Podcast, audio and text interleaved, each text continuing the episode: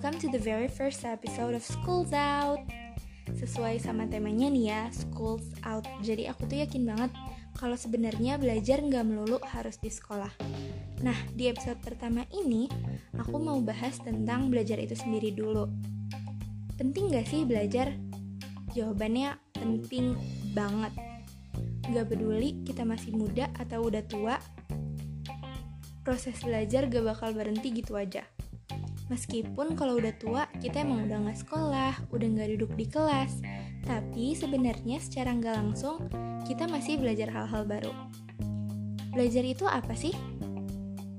Menurut KBBI, belajar itu berusaha memperoleh kepandaian atau ilmu.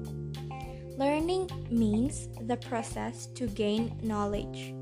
Atau kalau menurut Oxford Dictionaries, learning is the acquisition of knowledge or skills through study, experience, or being taught. Yang artinya, belajar itu keadaan saat diri kita nerima pengetahuan atau keterampilan melalui belajar atau nyari tahu, pengalaman, dan diajarkan. Diajarkan orang lain itu bisa dari guru, dari orang tua, dari teman, gitu ya. Nah, Umumnya, yang kita dapat di sekolah itu pengetahuan melalui proses belajar dan diajarkan.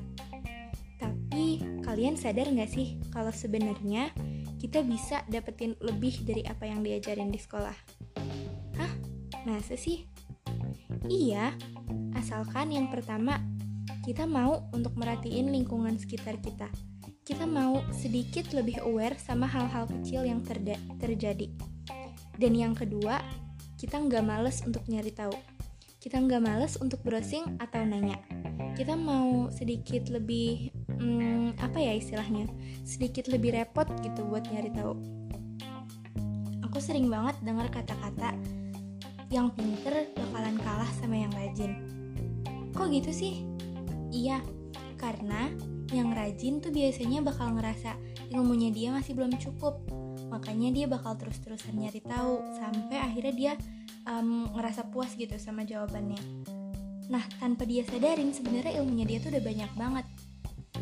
Terus tadi nih ya contohnya uh, aku lagi ngobrol-ngobrol sama adik aku lagi ngomongin soal gambar gitu deh. Jadi aku nggak bisa gambar kan. Aku bilang ke dia aku cuma bisa gambar ikan doang. Terus dia terus dia tiba-tiba nanya gini kenapa sih ikan bisa berenang?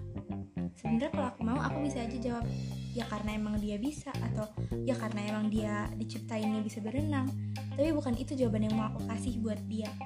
Aku bilang karena dia punya sirip uh, terus siripnya bisa ngebantuin dia buat berenang dan karena dia punya insang makanya dia bisa bernafas dalam air dan segala gala gala gala bla blanya. Terus uh, abis itu mungkin dia pun sebenarnya nggak nyadar dia lagi belajar tapi dia jadi tahu hal yang sebelumnya dia nggak tahu. Ya nggak?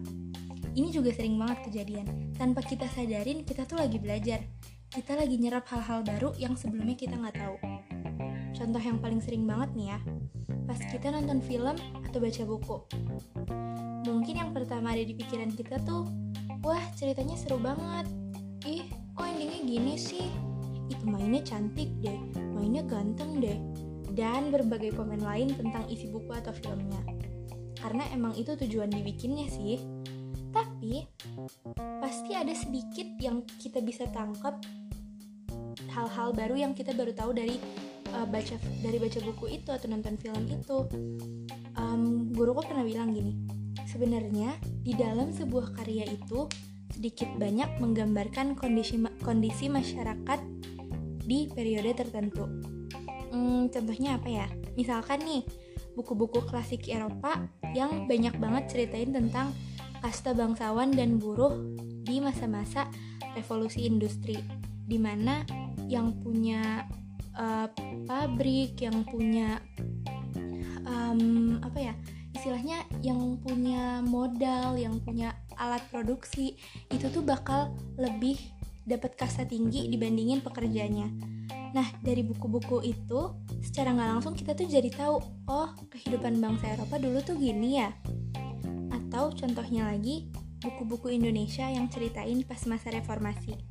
Meskipun aku belum lahir dan nggak pernah lihat kejadian aslinya, tapi dari buku-buku yang ada aku bisa dari buku-buku dari film-film yang ada aku bisa bayangin aku jadi punya gambaran gimana sih suasana pas saat itu emang fokus utamanya tetap isi cerita tapi kita juga dapat ilmu baru sedikit jadi kayak jadi kecipratan pengetahuannya lah gitu sedikit atau contohnya lagi yang lebih relatable nih ya di masa pandemi kayak gini kita jadi school from home buat pelajar atau work from home buat karyawan.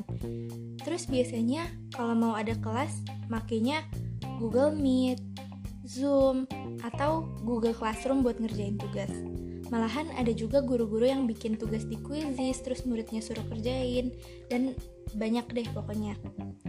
Proses belajar yang kita sadarin adalah pas gurunya ngomong di kelas online, atau pas kita ngerjain tugas. Tapi sebenarnya kita tuh udah mulai belajar dari kita ngoperasiin aplikasi-aplikasi tersebut.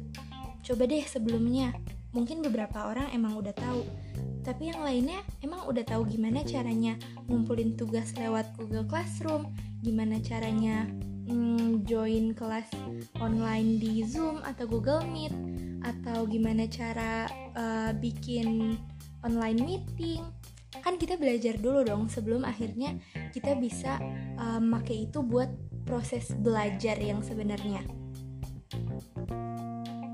Nah, terus intinya tuh aku ngomong banyak gini tuh buat apa sih? Mungkin emang dari tadi contohnya sepele dan biasa banget. Tapi hal yang sepele itulah yang biasanya kita lewatin.